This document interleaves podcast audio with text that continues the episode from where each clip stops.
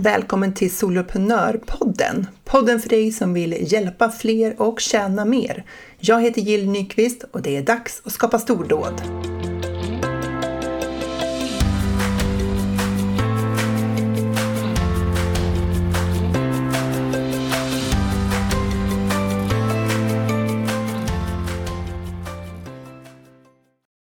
Idag har jag med mig Sofie Degerland och vi ska prata om någonting spännande eh, som jag tänker är en särskild utmaning för oss som är soloföretagare och jobbar online. Och det är det här med smarta digitala vanor. Varmt välkommen till Soloprenörpodden, Sofie. Tack snälla, tack. Du får börja med att presentera dig. Så här, vad, vad är det du gör och vilka är det du hjälper? Ja, Sofie Degerland heter jag, är solo företagare eh, sedan årsskiftet, så det här är väldigt nytt för mig. Eh, och jag har ju valt en ganska speciell nisch eh, i mitt företag, just eh, att titta på våra digitala vanor och hur vi använder sociala medier, hur vi använder mobilen och skärmar och så. Och jag har min bakgrund som socionom, eh, har jobbat med jobbat med livsstilsförändring inom kriminalvården och inom socialtjänsten.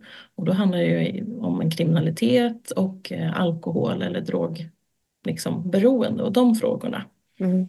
Men eh, de senaste åren tycker jag utvecklingen har, har blivit liksom att vi spenderar mer och mer tid och uppmärksamhet. Och då tänkte jag så här, men gud, jag kanske skulle kunna göra något kring det här utifrån den erfarenheten jag har som socionom.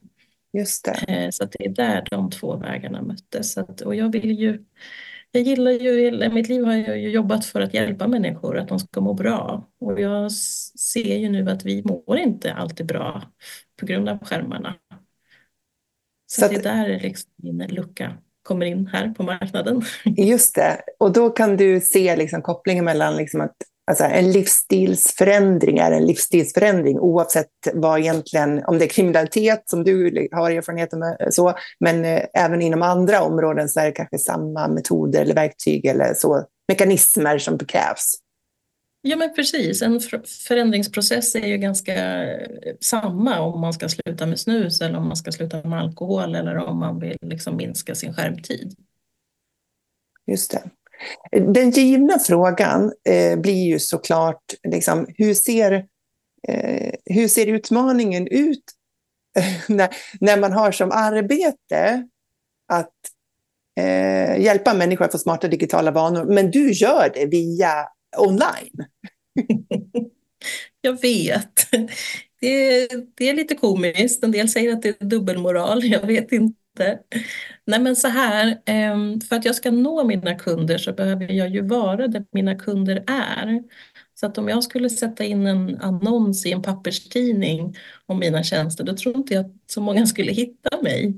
Mm. Men det här är ju en jättebra fråga för att jag har ju fram och tillbaka liksom verkligen stött och blött. Jag bor i Stockholm och skulle jag inte använda mig av nätet med samtal, då skulle jag bara nå dem i Stockholm. Liksom. Mm. Så där har jag gjort ett medvetet val att ja, det kanske blir lite dubbelt, men det är också där som jag kunde kunna göra det bästa jobbet. Som det ser ut nu. Längre fram kanske jag har en egen samtalsmottagning och använder liksom de arenorna mm. också. Men utifrån ett företagarperspektiv så är det ju viktigt oavsett att vi befinner oss där våra kunder befinner oss för att vi ska kunna kliva fram och, och visa att vi kan hjälpa dem vi vill hjälpa. Så jag, jag förstår ju absolut att, att eh, det, sociala medier och det digitala är din kanal eftersom det är där också utmaningen kan uppstå. Exakt. Exakt. Så, men vad är smarta digitala... Jag tror att vi alla liksom förstår vad, vad utmaningarna kring de smart, liksom, digitala eh, vanorna är. Men vad, vad, definierar du som smart digitala vanor? Då? Ja, jag har ju valt namnet utifrån smartphones, det kanske folk förstår. Eh, och jag tänker att det handlar om att skapa en balans eh, mellan det vanliga livet i verkligheten, om man får säga så, och livet på, på sociala medier eller online.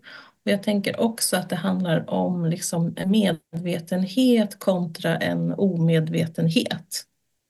Eh, att smarta digitala vanor, när du har skapat det då har du liksom en strategi, du har eh, en, en tanke och ett syfte med det du gör. Som idag så träffas vi online och det är ju för att syftet är att spela in den här podden och prata om mm. de här frågorna. Um, och jag tror att det är det som är skillnaden. Uh, och det ska vi absolut fortsätta med. Och jag ska vara jättetydlig med att jag tycker att teknik är fantastiskt. Mm. Det är jättehjälpsamt och vi, självklart ska vi använda den. Det är inte så att jag tycker att vi ska flytta ut i skogen i någon hydda liksom så. Börja med eh, röksignaler. Exakt. Tekniken är här för att stanna och den ska vi liksom utnyttja på bästa sätt. Mm. Men inte på bekostnad av vår hälsa eller bekostnad på våra relationer eller ja, mående helt enkelt. Det här är ju så, liksom, om man driver ett företag där man har en, eh, låt säga att man driver ett café. Då är det ju väldigt naturligt att eh, så mycket av det som upptar ens arbete är tiden i kaféet och det som krävs för det liksom, och allt runt omkring. Och då, då har man mm. kanske en utmaning att faktiskt finnas i det digitala för att få tiden att räcka till åt det hållet. Men just när mm. det gäller att man driver sitt företag 100 procent eller delvis online så innebär det ju att ens huvudsakliga arbet, arbetsuppgifter befinner sig i det digitala. Mm. Eh, och, och, och, jag tänker på det så har vi de utmaningar vi alla människor har oavsett hur de jobbar eller sådär kring att eh, vara närvarande i nuet och inte scrolla på 48 000 reels och, och så vidare. Eh, hur, hur ser du att man ska tänka när man är onlineföretagare kring just det där? Ja, men jag förstår ju. Det, det blir som eh, en, en dubbel utmaning. Alltså alla appar och telefoner och så är ju skapta för att vi ska hålla på så länge som möjligt. Att vi ska fortsätta och fortsätta och fortsätta. Eh, och här tänker jag att man också behöver liksom ha sin planering och luta sig mot den. Eh, för det kan bli så himla lätt att, att man distraheras, att man liksom hoppar från en sak till den andra. Eh, och kanske att man då sitter två timmar med sin privata Instagram på dagen och sen så får man jobba liksom igen på helgen eller på kvällen eller när barnen är hemma. Så att det handlar, kanske är jättetråkigt, men det handlar jättemycket om planering tror jag. Mm. Och, och, att vi kan liksom eh, ha våra inställningar, i, även om, om inläggen ska gå ut på lördagen eller senare på eftermiddagen så kan vi också planera och eh, schemalägga det. Och så kan vi ju gå in då om vi tänker att vi behöver liksom vara aktiva just när inlägget kommer ut för att svara på eh, kommentarer eller sådär. Då kan vi ju göra det. Jag vet att inlägget kommer klockan sju, då går jag in mellan sju och halv åtta. Mm. Och sen så får jag vara liksom färdig med det. Just det. Då har vi den där eh, utmaningen som många företagare jag möter och det är ju det där med struktur och planering. Eh, att det, en, del är ju såklart jätteduktiga på det, men det är många jag hör som tycker att det där är svårt att få till sin egen planering. När man är anställd, då, då finns det rutiner för det där och man, man, liksom, man faller in i en planering som företaget eller arbetsplatsen har. Men som egen så behöver man ju skapa de där rutinerna själv och ingen kommer säga åt den om man gör inom situationstecken fel. Nej. nej, nej, precis. Det är ju bara du liksom. Och, det är, ja. Och en del kanske får det här att funka och då är det jätte, jättebra. Men när man väl känner att man liksom är splittrad eller ofokuserad, då, då tänker jag att det här är en bra sätt att i alla fall prova, se om det är något som skulle kunna hjälpa. Mm. Som du brukar säga, sätta på sig vd-hatten eller ja. vad det nu blir liksom, som man ska göra. Ja sätta upp lite rutiner och sen, eh, det kräver ju det kräver ju lite självledarskap att följa sina egna rutiner också. Eh, mm. sådär. Jag har ju, vet inte hur många gånger jag gjort en checklista, så jag har gjort checklista, men sen har jag låtit bli att titta på den när jag sen gör den. Och så gör jag ändå samma misstag igen och så bara, det här ja. känns liksom ohemult korkat. Ja. man sätter sig i så märkliga situationer liksom för att man, så här, eller om man ska prata för mig själv, så här, jag tar en genväg. Mm. Och så följer jag inte liksom min egen planering och så tänker jag att det var lite bekvämare. Fast i själva verket så får jag bara ta konsekvenserna av det istället, vilket ju känns lite så korkat i efterhand då. jag känner igen det där. Jag tror ja. vi alla gör det.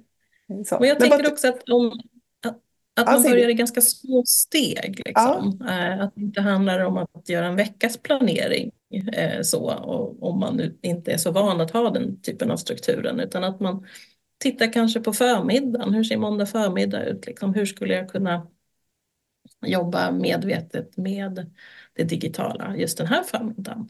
Och sen så utvärderar man efter det eller så gör man som vanligt på eftermiddagen för att, för att se det, just att få få fram själva vinsten. Att man, att man känner att ja, men gud, jag var ju mycket mer fokuserad liksom, den här förmiddagen när jag gjorde det här. Mm. Så att det handlar liksom inte om, eh, om att omstrukturera hela, hela företaget utan att eh, ta en förmiddag, ta en timme om, om det liksom. och lägg bort telefonen. Lägg telefonen i, i ett annat rum. Liksom. Skaffa två telefoner, en jobbtelefon och en privat telefon om det liksom underlättar. Mm. Just det. Då är vi tillbaka till så här, vilka förutsättningar behöver jag för att jag ska få det här att funka? Och då kanske det är mm. så att eh, det är lättare om telefonen ligger i ett annat rum. För att mm. man inte ser den där. Eller... Ja men precis, det har de gjort studier på med, med studenter, att de fick skriva ett prov. Eh, ja. En del hade telefonen bredvid sig, den, den var liksom avstängd och upp och nervänd. Så man kunde inte se någonting på skärmen. Och den, den andra gruppen då fick ha telefonerna ute i korridoren eller någon annanstans. Liksom. Ja. Och det var jättetydligt vilka, vilken grupp som presterade bäst på det här provet och det var ju de med telefonerna i rummet bredvid. Mm. Hjärnan kan slappna av då, behöver inte ha någon form av mikrofokus åt det hållet. Liksom. Exakt, exakt. För den, den behöver bara vara där eller vara i fickan eller vara i väskan. Liksom. Ja. Den, vi känner det, för det är, det är ju det är vår mest värdefulla sak som vi äger i princip. Alltså man känner sig otroligt naken utan telefonen. Mm. Ja, precis. Och, och liksom, i princip kan man ju driva, inte hela, men stora delar av sitt företag via mobiltelefonen. Eh, för man mm. kommer åt oftast det allra, allra viktigaste man behöver, oavsett om det är en kursportal, om det är e-postlistan eller om det är marknadsföringen på sociala medier och sådär, så, så är det ju där man kan komma åt firman, även om man kanske väljer att jobba via dator, så finns det tillgängligt så. Mm. Mm. Men som så små, små steg för steg tips, tips då, det är liksom att här, för det första, så här, tänk inte att man ska planera upp och omstrukturera hela veckan, utan man kan zooma ner och ta del av dag som förmiddag, eller kanske till och med en timme och prova. Eh, och sen lägga mm. telefonen i ett annat rum så man inte ens ser den. Schemalägga inlägg eh, så att de kommer ut vid en viss tid och sen kan man planera in tid då för eventuellt kommentarer och uppföljning på det. Eh, har du andra sådana där mikrotips som kan hjälpa till att bryta ner eh, vanan Ja, alltså det, det, man kan ju också... Vi pratar ju ofta om skärmtid och det är ett, begrepp som inte jag riktigt gillar, men jag har inte hittat något annat heller. Utan det handlar ju inte om tid, tid. det handlar inte om timmar och minuter, utan det handlar ju om våra vanor liksom och, och syftet och så. Eh, och för att komma bort ifrån timmar och minuter så har jag eh, börjat jobba med platser, att man har speciella platser, för vi är ju vanemänniskor liksom. Eh, och då kan det ju vara så att du när du käkar lunch eller om du tar en lunchpromenad eller någonting sånt, eh, att du då liksom inför att när jag äter lunch, då ska jag göra det utan skärm. Liksom. Då ska det få vara min tid för mig själv eller för återhämtning eller sådär. Mm. Eh, och för då handlar det mer kanske om, om just den platsen eller mitt kontor eller ja, inte vet jag, om man jobbar från soffan då kanske man inte ska ha telefonen bredvid oss. Det. Man kan koppla det till en plats. Ja men precis, när man går på toaletten till exempel, att man lämnar eh, telefonen utanför det. Det var mitt första steg när jag skulle, för jag jag är ju här av en anledning som många andra, att vi har gjort vår egen resa och så mm. var det ju mm. verkligen för mig, att det var där jag fick börja. Och det var jättesvårt, det var jättetufft, hela kroppen bara reagerade både fysiskt och psykiskt. Vadå, ska jag inte ta med mig telefonen in i? Just Nej, det ska du inte Sofie. Nu ska du ja. gå in där och göra det du ska och sen får du, den finns kvar. Det är liksom ingen ja. som tar den. Nej, inget kommer hända. Den ligger i hallen liksom. Ja. Vad håller du på med? Men det var då jag märkte så här, men gud, det här är ju inte bra. här, är ju, det här funkar ju inte. Liksom. Nej, just det. Det är så intressant, just det som du säger, man känner i hela kroppen. Vad, vad tänker du som företagare då? Vad, vad kan bli fördelarna med att, eh, att, faktiskt få till smartare digitala vanor?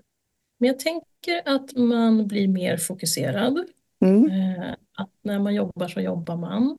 Att man slipper den här typen av, liksom, att man blir distraherad av pling och plong och hej och hå liksom, som, mm. som händer. Utan att man faktiskt kan känna att men nu har jag gjort det här och nu är jag färdig med det här. Eh, att det blir som ett, ett annat lugn i, i jobbet som man gör. Mm. Och att man inte behöver ha det här um, dåliga samvetet som vi många går runt med. Liksom. Men gud, jag, jag skulle bara läsa de här två mejlen och nu har jag sparat bort en hel timme liksom, på, på ingenting. Och sen så ångrar man sig och sen så får man dåligt samvete. Så det är också en väldigt stor vinst att kunna släppa det. Liksom. Ja, precis. Inte få dåligt samvete för så här bortslösad tid. Nej, precis. Utan man gör liksom medvetna val. Och inte hela tiden, inte hundra procent, men när man kanske har en lansering eller man har något som man behöver få gjort, liksom. man har en deadline på något sätt. Då är det jätteskönt att använda de här metoderna. Mm. Det är ju någonting som... Här, tidsbrist uppstår ju ofta när man är soloföretagare för att det är så sjukt många olika saker man ska göra. Eh, om vi dessutom lägger till att vi utför en del av de där eh, sakerna onödigt eh, onödigt ofokuserat. Att vi mm. liksom inte jobbar smart när vi gör dem för att vi blir distraherade och hoppar mellan eh, fler saker än vad vi skulle behöva. Så, mm. så gör det ju också så att en uppgift som kanske skulle ha tagit en timme kanske tar tre timmar i onödan. Och det där är två extra timmar vi egentligen inte har. Och som hade varit bättre att lägga på att antingen skapa något mer värdeskapande eller kanske eh, återhämtning, vila eller göra någonting helt, ta en promenad eller vad som helst. Liksom. Ja, ja, absolut. Absolut, ja men precis. Vi har ju de här företagen, vi vill ju jobba hållbart liksom. Mm. Det är ju oftast det det handlar om, att vi, att vi ska hålla uh, hela vägen. De du hjälper då, vad, vad, uh, vad, vad säger de liksom? Vad är, det de, uh, vad är det för frustrationer de har när de söker din hjälp? Ja, men vi har ju varit inne på det, det är ju tidsbristen. Ja, det är tidsbristen. Ja. Att man känner att man, att man har en stress hela tiden, att den också känns onödig. För tittar man rent logiskt så så har man utrymmet. Ehm, det kan också handla om sömn, att man har liksom en ovana att eh, ha telefonen i sovrummet, att man scrollar bort ganska många timmar innan man lägger sig. Du vet, man får de bästa idéerna när man har gått och lagt sig. Liksom. Och sen är vi ofta många mammor eller föräldrar, att man också där liksom ser att eh, Ofta kan det ju lättare att se ett beteende hos någon annan innan man ser det hos sig själv. Mm. Ehm, så det är också sådär, men gud mina barn de är ju, de är ju hyper liksom. Det, det blir ju jättemycket konflikter och, och, och bråk och de klarar ju inte av liksom att och titta på en hel film. De är så himla vana med de här korta klippen hela tiden. Och sen bara, ja, fast jag är ju kanske likadan. Och så ser man det hos sig själv också. Liksom. Mm. Man inte kan läsa en tidning längre. Man, man håller inte liksom fokus på samma sätt som man har gjort tidigare. Nej, men det brukar figurera sådana här siffror ibland över liksom hur, hur vårt attention span, Just. Eh, upp, vad är det då? uppmärksamhetsspann, eh, har mm. förkortats över tid för att vi, mm. vi vänjer oss. Ja, men precis. Och då måste vi som vill nå ut på sociala medier eller online anpassa oss. Att vi behöver liksom ha en jättetydlig och snabb hook för att inte folk ska liksom scrolla vidare. Mm. Och så. Det där är ju faktiskt, det är lite som en sidonotering, men det, det där är ju faktiskt eh, en av eh, sakerna som gör att en podcast sticker ut.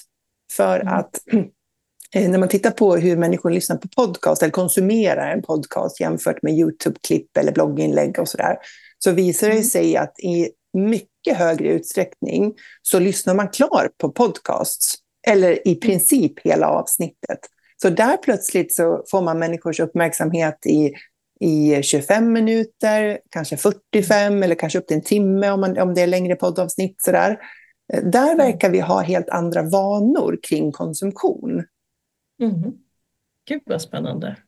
Så, för att, eh, jag såg en statistik bara häromdagen, nu har jag inte den tillgänglig här, men det var just det där, om man jämför en, eh, för det, podcast är långformatsinlägg då.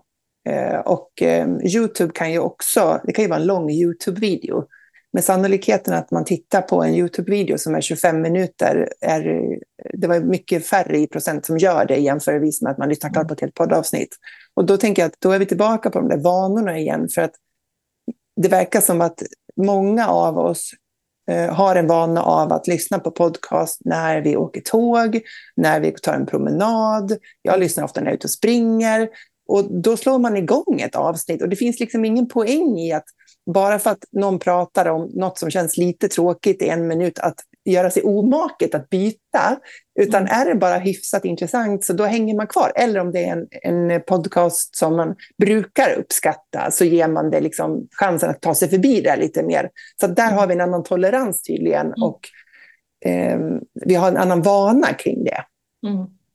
Ja, men jag tror det precis. Vi kan, kollar man på Youtube, då kollar man på Youtube. Men här kan du göra någonting annat samtidigt. Ja. det handlar om ett lyssnande och inte ett deltagande liksom, på det sättet. Nej, och man kan inte så här, på ett enkelt sätt så här, swipa på nästa YouTube-film som dyker upp i periferin. Liksom. Exakt, exakt. Eh, så det, det, det ger ett annat eh, fokus. Och, och, så kan jag känna själv också när jag, de podcast jag lyssnar på, att om de bara är 12 minuter, då sätter inte jag igång den, för det räcker inte. Jag är ute minst en halvtimme, så jag vill gärna ha minst ett halvtimmes avsnitt, för annars måste jag byta mitt i och med två hundar i koppel blir det jättebökigt. Jag vill inte det. jag vill kunna lyssna hela promenaden eller hela springturen. Liksom. Och, och det är ju bara en vana. Och jag har också märkt, jag vet inte om du har lagt märke till det, men om man får eh, utskick, om man får mejl och sånt där, då står det oftast lästid, så här, tre minuter, ja. två minuter. Jag undrar om inte det står på länkar nu för tiden också, uppskattad lästid på en artikel till exempel. Och varför gör det det? Jo, men det är för att vi ska då liksom kunna avgöra, så här, om två minuter, ja men det är okej. Ja, det, det, det orkar jag. Liksom. Ja. Mm. Så, men tror du att det kommer fortsätta så att bli företagare? Till sist så har vi så här, två sekunders klipp vi ska flimra förbi människor. Eller kommer det här vända åt andra hållet tror du? Alltså jag hoppas det. Jag hoppas verkligen att det, att det kommer vända åt andra hållet. Så, jag tycker inte om två, minuters, äh, två sekunders äh, klipp. Jag är ju liksom av den gamla skolan. Jag vill att det ska vara lugnt. Alltså jag blir stressad av, av, av de här korta. Så ja. jag, jag vill gärna ha de där 12 minuterna liksom. Ja. Det är typ det jag mäktar med. För många gånger så är det ju de här megatrenderna, liksom, att de, det blir från någon form av pendelrörelse liksom, eh, i det där. Att, eh, att det, det, drar sig tillbaka mot någonting annat. Mm. Vi får väl se vad, vart vi hamnar där. Men jag tänker att det här påverkar ju vår, verkligen vårt... För, dels hur vi själva använder våra digitala vanor som företagare, men också hur vi möter upp våra kunder i det där. Mm. Så.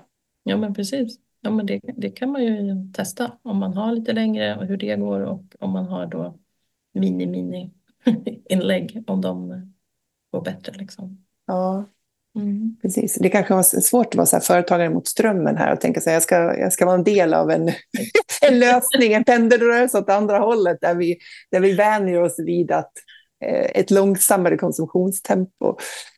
Eh, men Eh, det är väl värt att prova, för det, det kanske också beror på vilken publik man har, eh, sen vilka mm. följarskaror och vilket ämne och ens förmåga att, att hålla kvar människor, alltså att man är mm. relevant.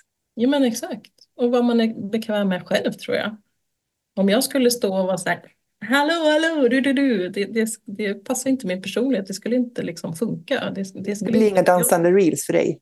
Nej, det blir inte så många tror jag. Nej. Utan jag är liksom mer slow, lite lugnare. Ja. Så, och då, ja, förhoppningsvis så attraherar det en viss typ och inte alla såklart kanske. Eh, nej men alltså, och så är det ju alltid. Mm.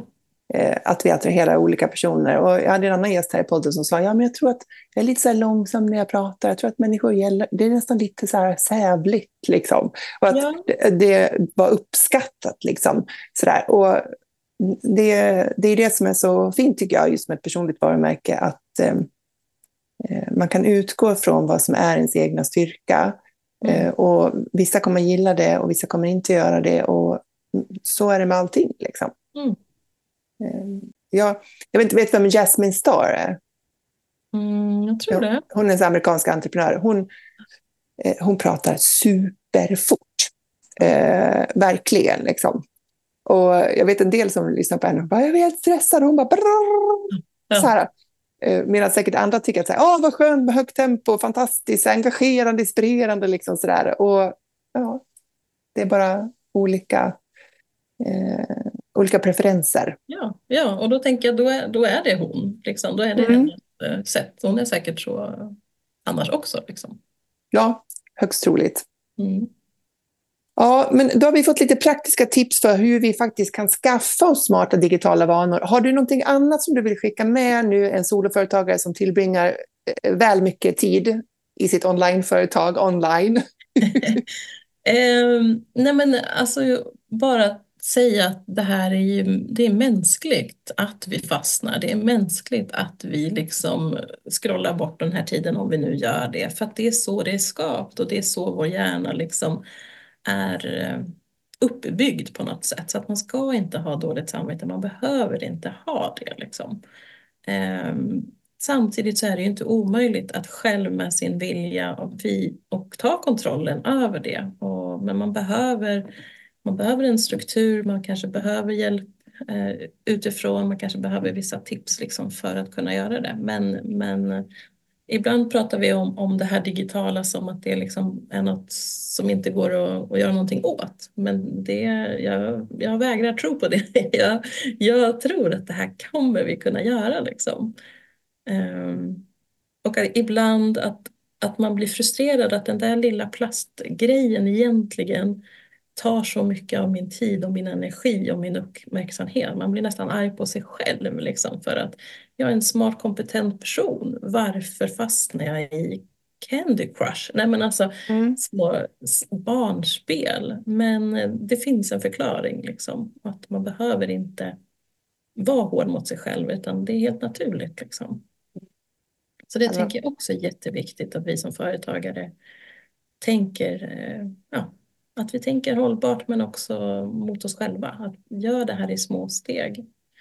Den andra saken är väl också att man brukar prata om att mobilen är inte farlig i sig eh, utan det handlar liksom om vad den tar tid bort ifrån. Är, är du en person som har läst väldigt mycket böcker, är du en person som har tränat väldigt mycket, varit social och du märker att du inte gör det längre, då har ju liksom mobilen konkurrerat ut det, ja, just det. som du egentligen mår bra av. Liksom. Så det är väl kanske ett medskick, medskick också, att ta, ta tid för det andra. Det som du gjorde tidigare eller det som, ja, det som får dig att må bra. Liksom. Jag kan verkligen känna det där, hur vilsamt det är för mig som har läst i alla år läst väldigt mycket böcker eh, innan jag blev soloföretagare och då läs, nu läser jag bara böcker om digital marknadsföring. Så alla romaner har, har liksom kommit på fall. Jag försöker ta tillbaka romanlästiden nu. Mm. Eh, men just det, det är någonting vilsamt tycker jag för min hjärna att få titta på, på um, text på en papperssida. Mm det, det, är någonting som händer då som är otroligt vilsamt. Liksom, att få mm. läsa text på en pappers, i en pappersbok och få stryka mm. under, inte i romaner då, men alltså när jag läser andra böcker, så här, att det, det, är, det, det, upplever jag som väldigt välgörande för mig.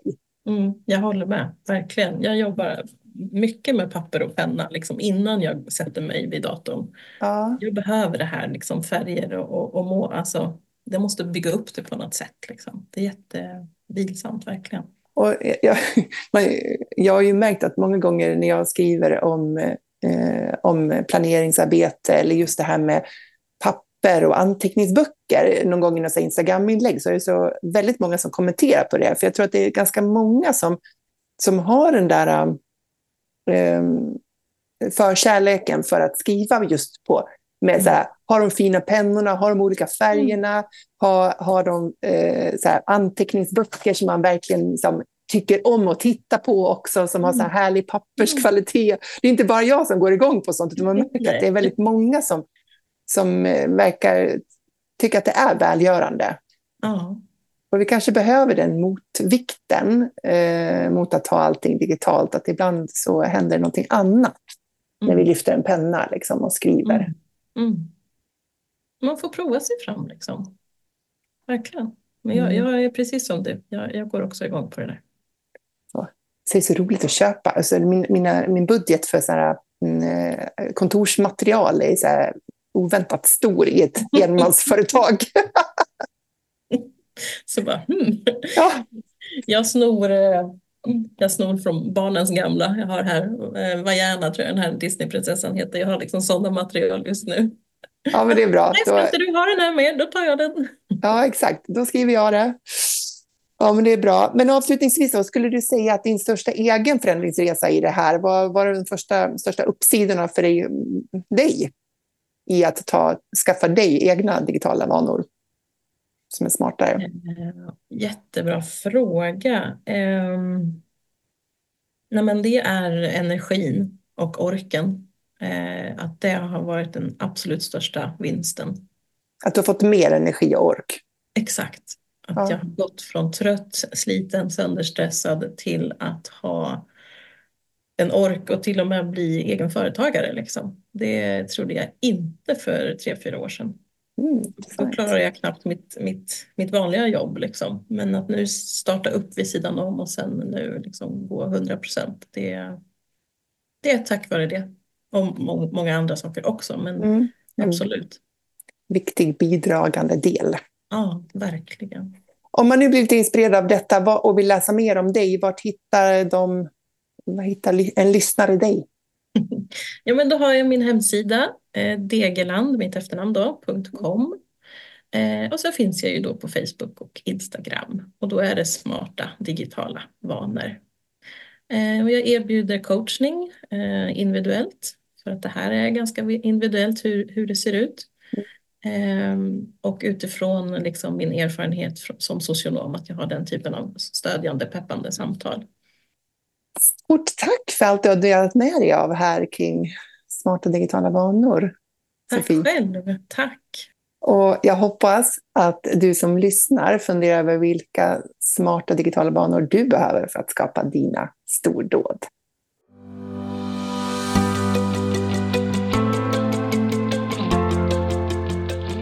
Stort tack för att du lyssnar på Soloprenörpodden. Jag är så glad att ha dig här. Du får jättegärna lämna mig en review på iTunes och ratea podden. Ge den fem stjärnor om du tycker att den är värd det, så hjälper du mig att sprida den till fler. Eller varför inte ta en skärmdump på det här avsnittet och tagga mig på en story på Instagram, solopreneur.nu.